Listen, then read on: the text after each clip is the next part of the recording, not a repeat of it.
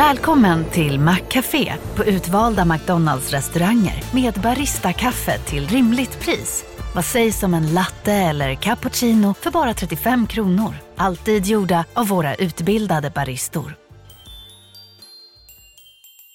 Hej, Susanne Axel här. När du gör som jag och listar dig på en av Krys vårdcentraler får du en fast läkarkontakt som kan din sjukdomshistoria. Du får träffa erfarna specialister, tillgång till lättakuten och så kan du chatta med vårdpersonalen. Så gör ditt viktigaste val idag, lista dig hos Kry. Det är ju lite citrus. Det är lite citrus med vanilj. Och det här är... Vänta, det här var svår. Vad är det för något? Mandel. Det är mandelblomma. Vi har gjort det igen. Vi har workshoppat vår identitet. Och bakgrunden till det här är ju att vi, eller ni är det då, för att min tid på kapitalet hade inte börjat då. Nej. Eh, ni har ju redan börjat den här resan. Ja, precis. Vi gick väl liksom till botten med någon slags så här, allmänt existensberättigande, kan man säga. Ja, det kan man väl ändå säga. I avsnitt 190, storyn om storyn, så tog ni reda på varför, ja, men varför Monopol Media finns. Så det finns det väl typ ett svar på, eller? Eh, just det. Eh, jo, men det gör det säkert. Jo, men det finns för att eh, det ska finnas ett utrymme för eh, roliga och härliga personer att göra kul och intressant radio, tror jag. Eh, och det finns också för att Jakob Bursell tröttnade på att jobba på Svenska Dagbladet. Så det är liksom de två sakerna. De två sakerna eh, gör ju ändå att det, Monopol Media har typ en sån skapelseberättelse. Ja, men det har vi faktiskt. Mer eller mindre. Men sen då så tänkte jag att vi kunde laborera vidare lite med det här identitetsbygget och varumärkesskapandet. Och grundfrågan är ju fortfarande samma. Och vad, är- vad är grundfrågan? Jag har Vad, grundfrågan är, vad kan vi göra för att få fler människors uppmärksamhet? Men samtidigt liksom att ta det eh, lite vidare, så bortom bild och ord. Jag jobbar med doft och eh, brukar vara kallad för allt mellan doftexpert till doftmannen till liksom en näsmänniska. Så att, eh, ja, dofter. Det här är Jaroslav Shevchenko från eh, Aroma Marketing. Och Hans grej är att skräddarsy dofter till företag. Där kan vi ta en väldigt, väldigt enkel exempel med, som jag brukar säga, personlig doftmarknadsföring. Vi duschar, borstar tänderna, använder deodorant, kanske parfym till och med. Och på samma sätt så kan man göra med sin verksamhet. Och eh, jag har lyckats övertyga Jaroslav att hjälpa oss att ta fram Monopol Medias doft. Så vi ska få liksom en egen så signatur. Det här, när någon känner den här lukten så kommer de tänka det här är kapitalet, det här är Monopol Media. Exakt. Eh, två känslor kring detta. A. Gud vad kul. Jag har alltid velat ha en egen doft. Och B. Listan av så här företagsprioriteter, saker vi typ behöver göra i det här bolaget. Hur högt kommer doft på det? Alltså, så här, är det här verkligen rätt väg för att få uppmärksamhet? Jag förstår hur du tänker. Behöver vi verkligen en doft? Eh, vi är ju ett produktionsbolag som gör radio. Och Det är ju inte så med största sannolikhet avgörande för vår framtid hur vi luktar. Nej. Men alltså det är brusigt där ute. Ja. Ehm, och massa företag väljer så experimentella marknadsföringsstrategier. Ja. Och jag känner så här, varför inte? Okej, så att om, om vi tar fram en doft så kommer vi liksom gå bättre genom bruset och då eh, liksom steg tre, stor framgång för bolaget typ. Alltså jag vet inte hur många produktionsbolag som har en doft. Ingen, jag tänker jag. att det, nej, vi, det vi kanske blir det första. Ja, det är ju i sig väldigt, väldigt lockande. Eh, inte meningen att vara svår här, men min känsla är så här att det här med doft är ganska så personligt. Alltså någonting som jag tycker luktar ganska äckligt kanske du kanske har liksom någon härlig relation till och tycker luktar underbart. Och hur ska vi komma runt det här, känner jag? Absolut, så är det ju. Men för att det inte ska bli fel, eh, även om det såklart inte finns några garantier, så bad Jaroslav oss eh, svara på en massa frågor. Och Det var så värdeord som beskriver företaget. Ja, just det. Och det här var även jag och Åsa med. Och då eh, tog vi fram ord så som, alltså gud det blir så pinsamt när man ska försöka definiera sig själv så här. Men du vet, nyfiket, familjärt, utbildande, underhållande. Ja, Vi svarade då också på om vi hade en doft, hur vi eh, liksom tänker oss att den skulle lukta. Och Vi tänkte så att vi sitter i ett 1700-talstorp med så knarrande golv och brasa och att det skulle kännas som naturliga dofter. Just det, det, det, det, om vi skulle skapa doften från scratch, vi som inte är typ luktkonsulter, Eller doftkonsulter. doftkonstnärer. Ja, exakt, då hade vi kanske gått på den vägen. En annan idé vi hade var typ så här, går det att typ återskapa pengar som en doft? Och sen gjorde vi något Rent så här, konceptuellt. Ja, men mycket mer konceptuellt. Alltså, det var liksom så här, lite så 80-tals finans, skrivbord, ek, tobak. Vad är pengar för någonting? Det kanske är lite bomull och papper. Du vet, sådär liksom höll vi på. Exakt. Vi svarade alltså på frågor och spånade på dofter. Men vårt jobb, vår insats tog inte slut där. Utan för att verkligen liksom känna in vilken doft vi förkroppsligar så kände Jaroslav att han ville komma hit och eh, liksom se torpet. Och han hade då med sig en eh, aluminiumportfölj full med små bruna glasflaskor. Och som en del av det här förjobbet så fick då jag lukta på olika essenser eller så potentiella ingredienser. Alla dofter bygger som en liten pyramid. Det finns toppnot, mellannot och basnot. Du ska få känna på vissa av de dofter och så får du berätta. Vad, vad, eh, vad är det du tänker på det första när du känner en doft? När jag luktar på den här, Mm. godis. Och då du den Lakrits. Mm. Mm, barndom, typ. Vad händer nu då? Nu har vi känt på lite essenser så att nu har jag sett hur det ser ut. Jag har eh, hört och pratat och läst ganska mycket om er. Eh, så nu kommer vi ta fram en doft. Och, eh, försöka, och sen försöka implementera den till er precis på, eh, på något fiffigt sätt. Från Monopol Media, jag heter Teresa Kristoffersson. Och jag heter Gunnar Harjus. I kapitalet idag vidgar vi näsborrarna och drar ett djupt andetag. Hur luktar egentligen ett produktionsbolag? Kan Monopol Media bli framgångsrikt med hjälp av en doft? Och vad har egentligen Nobelpriset i medicin för koppling till ett sprillans nytt tangentbord? Efter det här.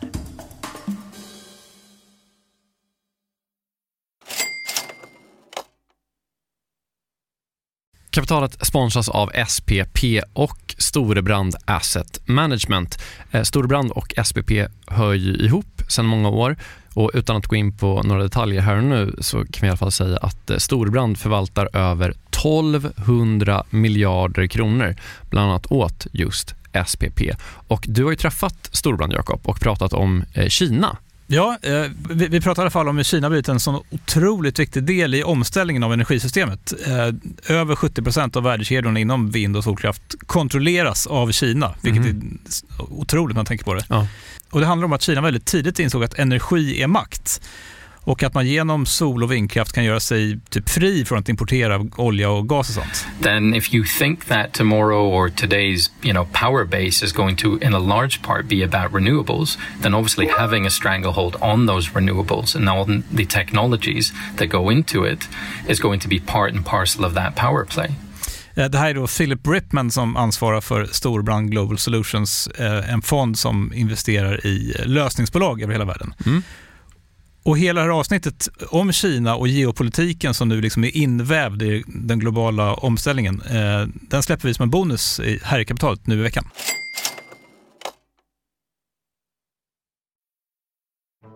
Så, Teresa Kristoffersson, vi ska ta fram en egen doft.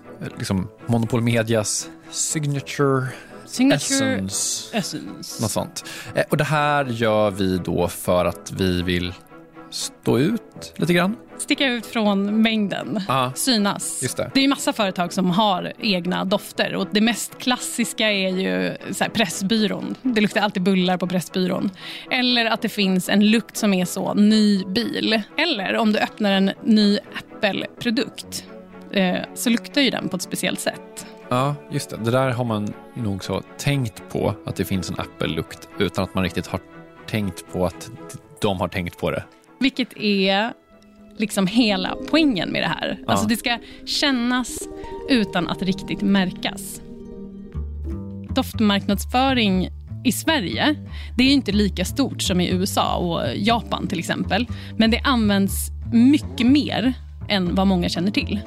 Eh, på hamburgerrestauranger, museum, flygplatser, i gallerior, på hotell med mera, med mera. Och, och deras mål är då? Ja, men målet är såklart det man tror, att det ska lukta gott. Ja.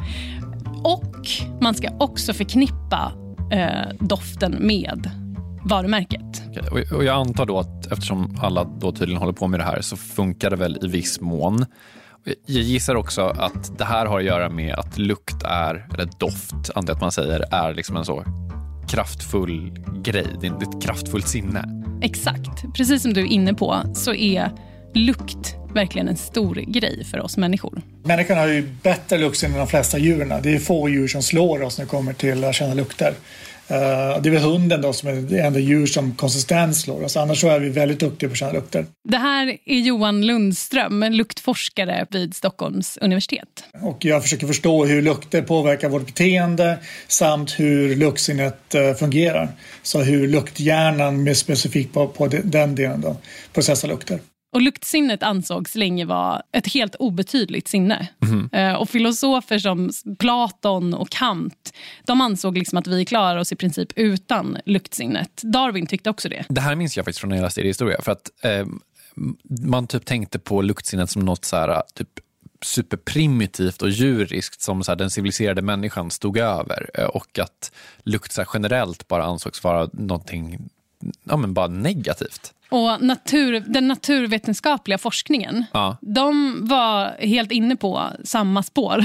Att lukt betyder ingenting. Lukt är helt ovidkommande och eh, därför hamnade liksom luktsinnet helt off ända fram till 1991. För då kunde mikrobiologen Linda Byback och biokemisten Richard Axel redogöra för de grundläggande principerna för luktsinnet. Och För första gången så kunde man börja använda molekylärmetoder för att börja förstå luktsinnet. Förlåt, men det du sitter och säger just nu och det som även Johan säger, det är alltså att man hade ingen aning om hur lukt funkade förrän för 30 år sedan. ja, exakt. Alltså, det är så sjukt. Alltså luktsinnet halkade långt efter forskningen om de andra sinnena. Eh, och när det gäller luktsinnet så hade man hade ju såklart teorier. Ja. Men det som Back och Axel då kunde visa var eh, att lukt består av molekyler. Johan tar kaffe som exempel. Det består av mellan 100 till 200 olika kemikalier. Så lukten av kaffe är inte en molekyl utan det är många molekyler som tillsammans bildar då ett, ett diorama av kaffe. Och när vi känner en lukt så flyger alla de här molekylerna in i näsan till en receptor. Och Det är de celler som eh, registrerar lukter och de fungerar som en slags så, detektorer in i näsan. Ja. Och Receptorerna förvandlar lukten till en elektrisk signal som skickas vidare till något som kallas för luktbulben. Klart det gör. såklart. Och därifrån skickas den signalen vidare till så olika delar av hjärnan. Och informationen från receptorerna kopplas ihop till en slags eh, mönster som bildar en doftbild i hjärnan som får dig att då uppleva doften av till exempel kaffe. Så att liksom näsan får en massa färger kastade på sig i en viss ordning och då liksom sorterar hjärnan upp det och sen målar de tavlan, det här är nog kaffe. Ja, men lite så faktiskt. Och 2004 fick Axel Oback Nobelpriset i medicin för den här upptäckten. Den här upptäckten som alltså var sjukt basic men samtidigt banbrytande för att man hade av olika anledningar ingen koll på hur luktsinnet fungerade innan. Exakt så. Och Det är ju därför absolut en milstolpe.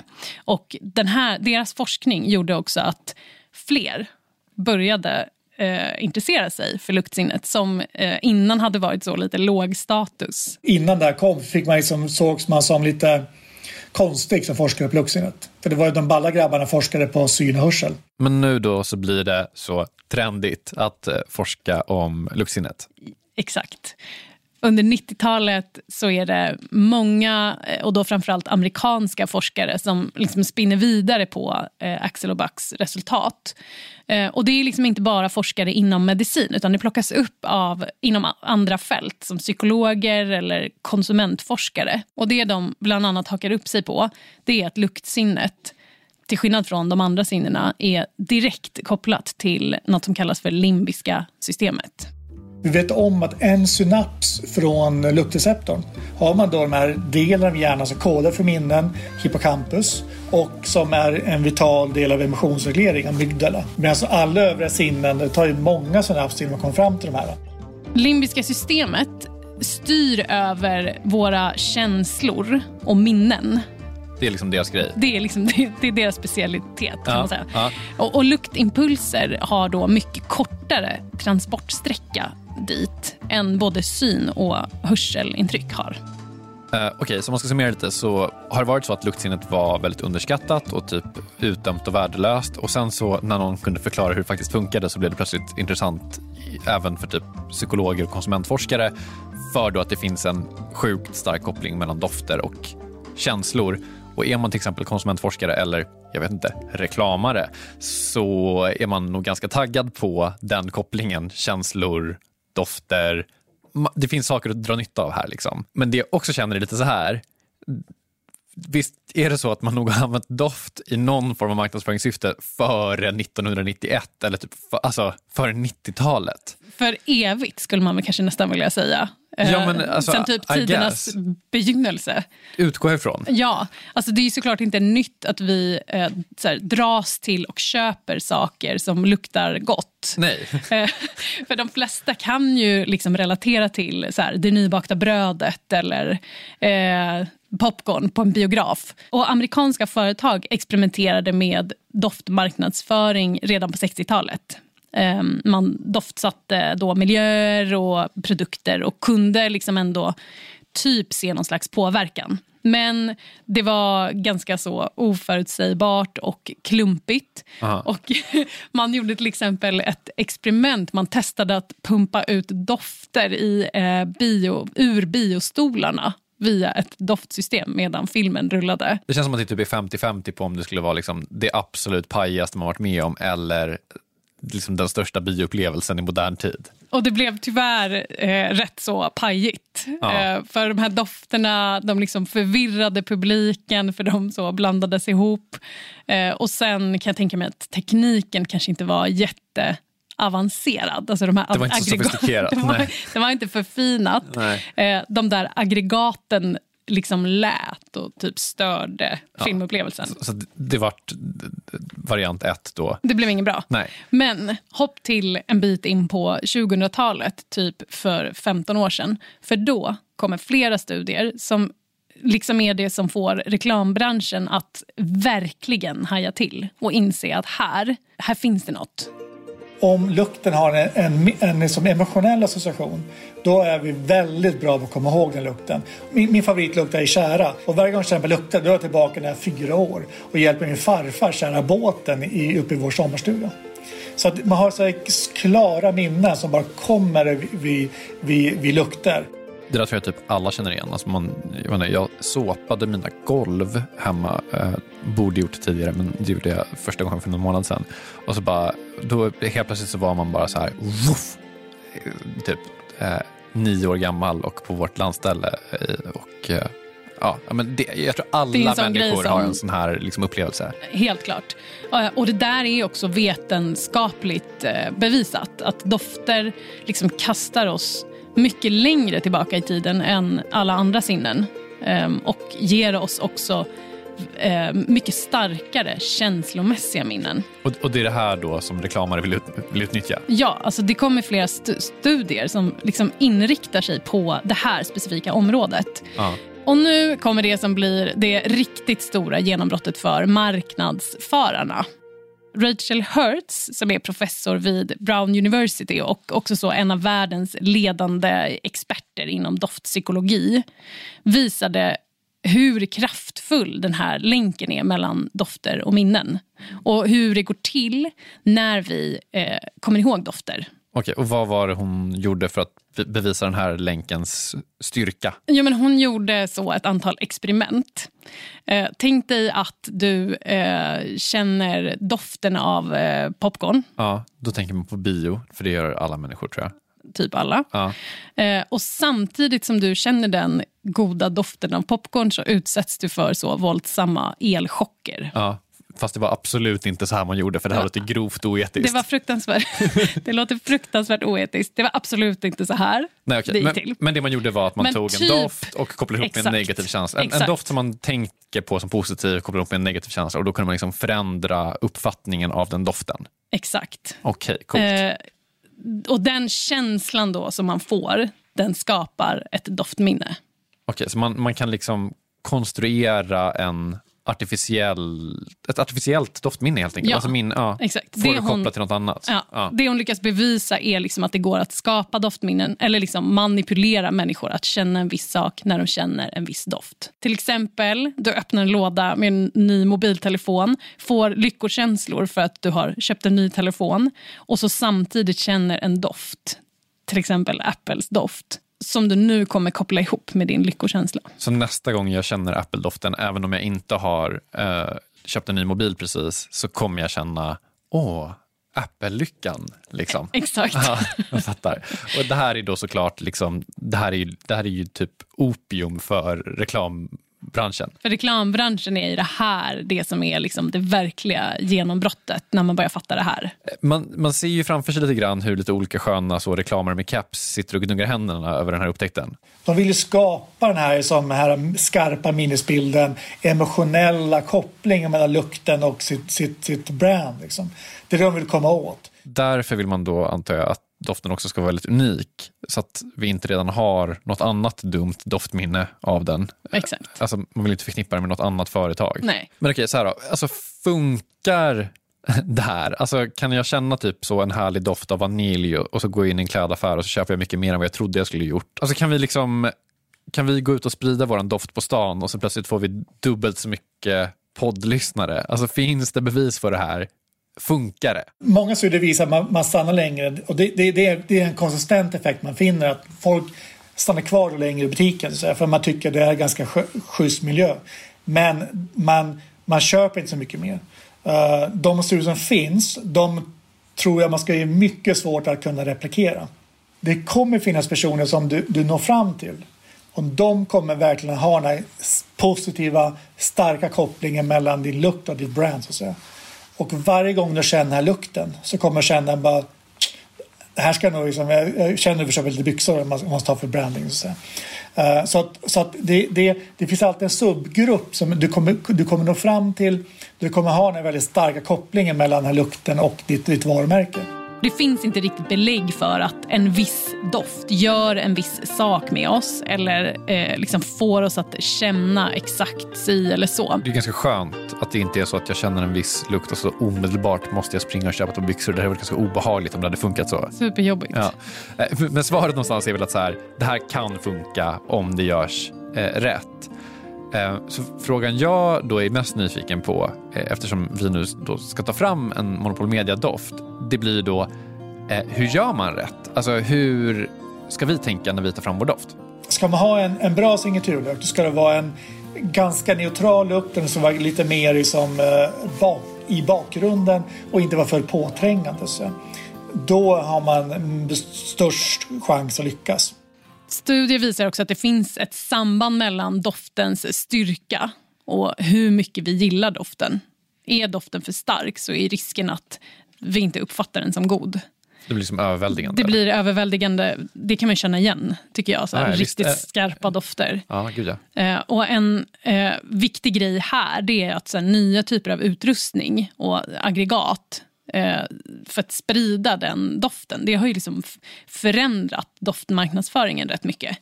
Eh, därför att det går ju att så här, reglera och anpassa doften bättre till olika platser och situationer. och så här. Det känns som att det börjar mogna nu och börjar bli mycket mer realistisk. Och hon börjar inse att det går inte att smacka på med en 100% i luxa så- att man bara storknar. Utan man måste ha den här subtila, det måste vara som någon kongruens, samstämmighet mellan produkten lukten och att det finns en stor individvarians. Och Så. Det viktiga är att man, man har väldigt positiva upplevelser den gången man upplever lukten. Och det är ju otroligt svårt att ha kontroll över. För man kodar ännu lättare in negativa minnen än man kodar in positiva minnen. Så att går du in på uh, varumärke A och du, du är lite grinig den dagen när du går in där för första gången och så känner du deras signaturlukt. Ja, men du kommer förknippa den här signaturlukten med någon negativ känsla. Så, det ska, det, så att man, man spelar på lite lite vågskal, man, lite vågar, man vågar ganska mycket, mycket som företag om man ska binda hela sitt brand till en väldigt tydlig signaturlukt. Så vi tar ändå en liten risk här när vi tar fram en egen doft. Ja, det gör vi nog. Ja. Men Johan har lite tips. Man kan då ha med sig tre saker. Eh, ett, hur gott luktar lukten? Just det, rimligt. Den är fullt, fullt rimlig. Ja. Två, vilken grad av samstämmighet har lukten med produkten eller företaget? Och sen, Om du skulle behöva känna den här lukten resten av ditt liv varje gång du lyssnar på radio, vilken lukt skulle du välja då? Ja, vilken lukt skulle vi välja då? Hur ska egentligen Monopol Media dofta efter det här?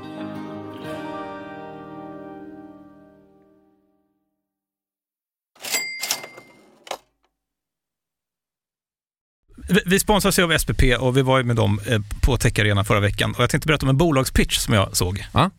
Det dyker upp en italiensk eh, tjej på scen som heter eh, Eleonora Cavani, en för detta bioingenjör och konsult som, kommer på att bakteriekulturen i magen är en källa till en massa problem för folk Eh, och att det liksom börjar tidigt i livet. I have a lot of allergies and I have eczema, and I've been through a lot uh, trying to change my diet and my lifestyle to really reduce my symptoms, which I managed to do. And uh, once I learned more about the microbiome, it, it really shocked me to find out that we know that some gut microbiome imbalances in early life are linked to chronic diseases for the rest of life. So I thought, wow, how strange that we know so many things and we're not really using them in real life. So I, I felt like I had to do something. Så hon startar något som heter Alba Health, eh, att förväxla med Alba Golf som vi gillar, eh, där småbarnsföräldrar kan skicka in prover från sina barn. We send you a kit. Um, it's a test that you can take at home. We need a poop sample. You can take it from the diaper. We receive it, we analyze it, we give you back results and recommendations on uh, lifestyle, food, and uh, potentially probiotics. Och, och folk kommer liksom tycka att det är lite äckligt och sånt, men jag kände så här, det är så mycket negativitet i världen just nu. Eh, Och du var inne på det tidigare, liksom att det här stället var ju fullt med folk som typ vill göra grejer. Mm. Och här springer omkring liksom sjukt duktiga människor och bara försöker förbättra för folk och göra världen till en bättre plats. Och Eleonora då och Alba Health är ju liksom ett sånt gäng som var där. Mm. Av liksom hundratals. Ja. Eh, Och det gjorde mig glad faktiskt. Ja, nej, det, jag tycker det lät toppen. Och grejen är också att sådana här idéer och projekt som förbättrar samhället över tid, de tar tid eh, och behöver liksom långsiktigt kapital. Och då kan ju vi genom pensionerna göra stor skillnad. Jag ska säga att SPP har ingenting med Alba Health att göra. Jag, jag hittade henne bara, jag tyckte hon var duktig. Caset finns ju och det är väl den här typen av saker som kan ta väldigt lång tid, där pensioner verkligen kan göra skillnad och där liksom pensionernas roll i ekonomin kan bli extra tydlig. Och den kopplingen tänker man inte på så, så ofta. Nej, men eh, med den kopplingen in mind så säger vi tack till SPP som gör oss medvetna om pensionernas roll i ekonomin och herregud i vår privatekonomi också. Precis, tack. Tack.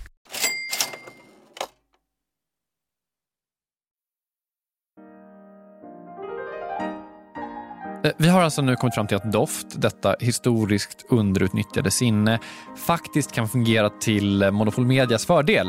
Och eh, nu då så har vi svarat på lite frågor för att Jaroslav Shevchenko ska kunna hjälpa oss ta fram vår egen så eh, signaturdoft och sen så kom han och träffade dig på torpet och hade med sig massa, massa doftessenser.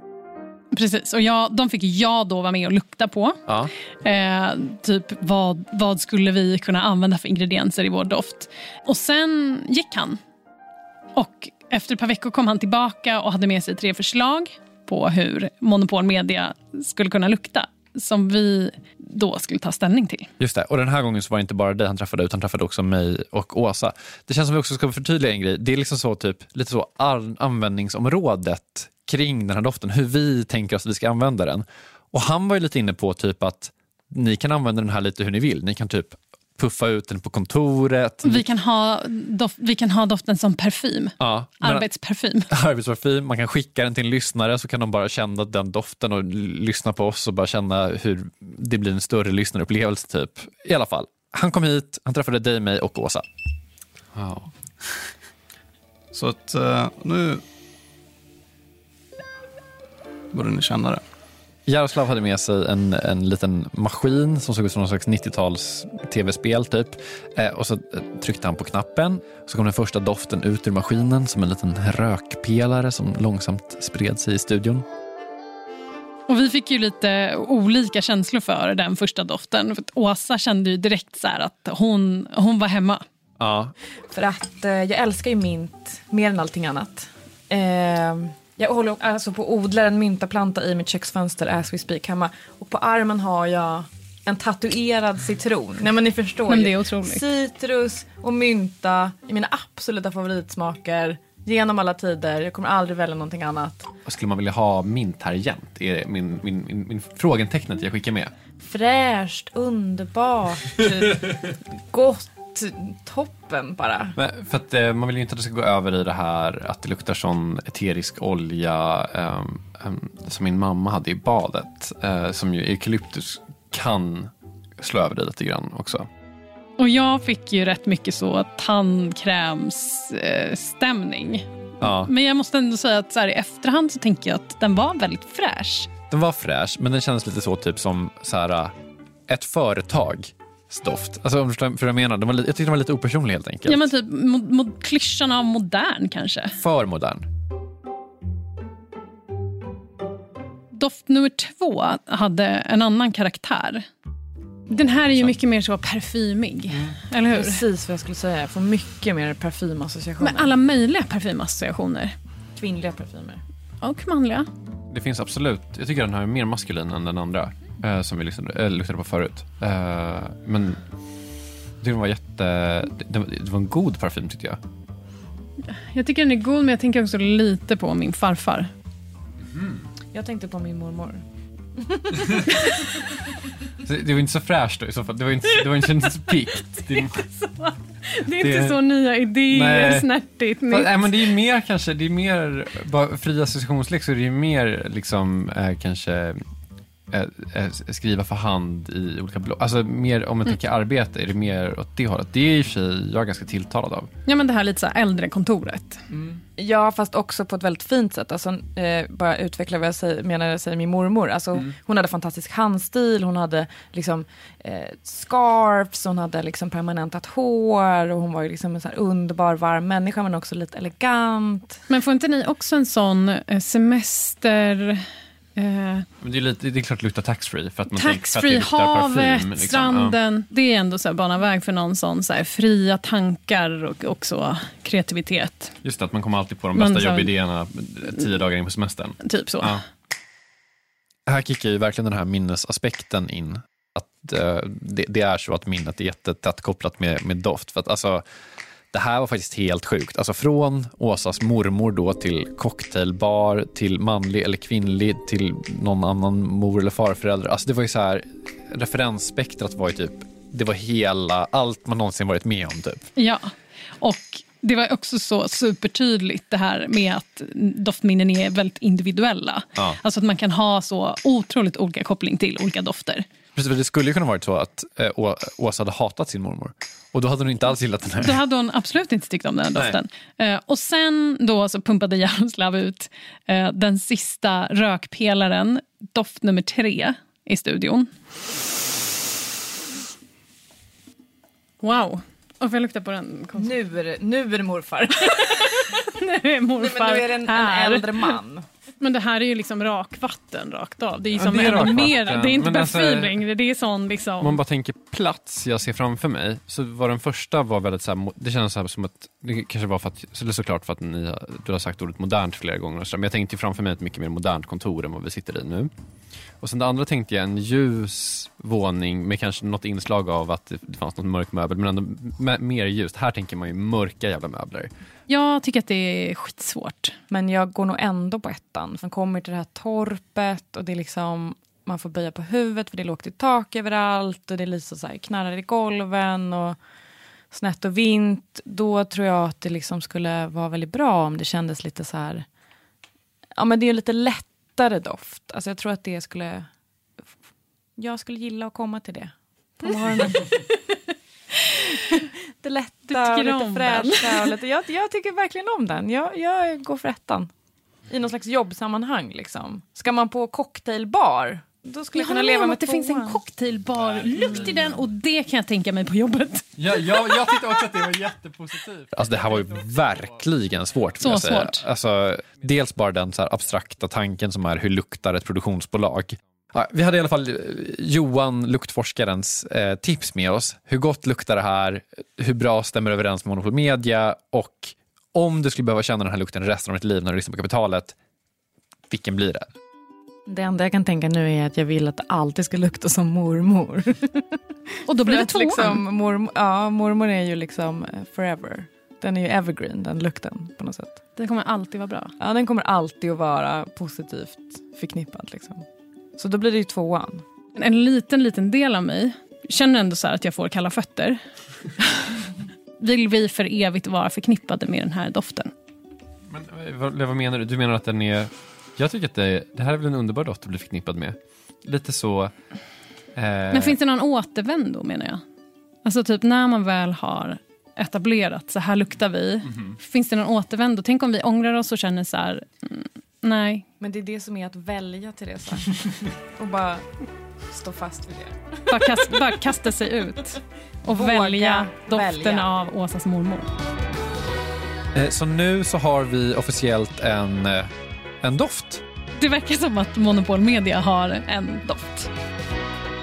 Om någon hatar den här doften så får de väl bara... Sluta lyssna på Kapitalet. Ja, I guess. Sorry.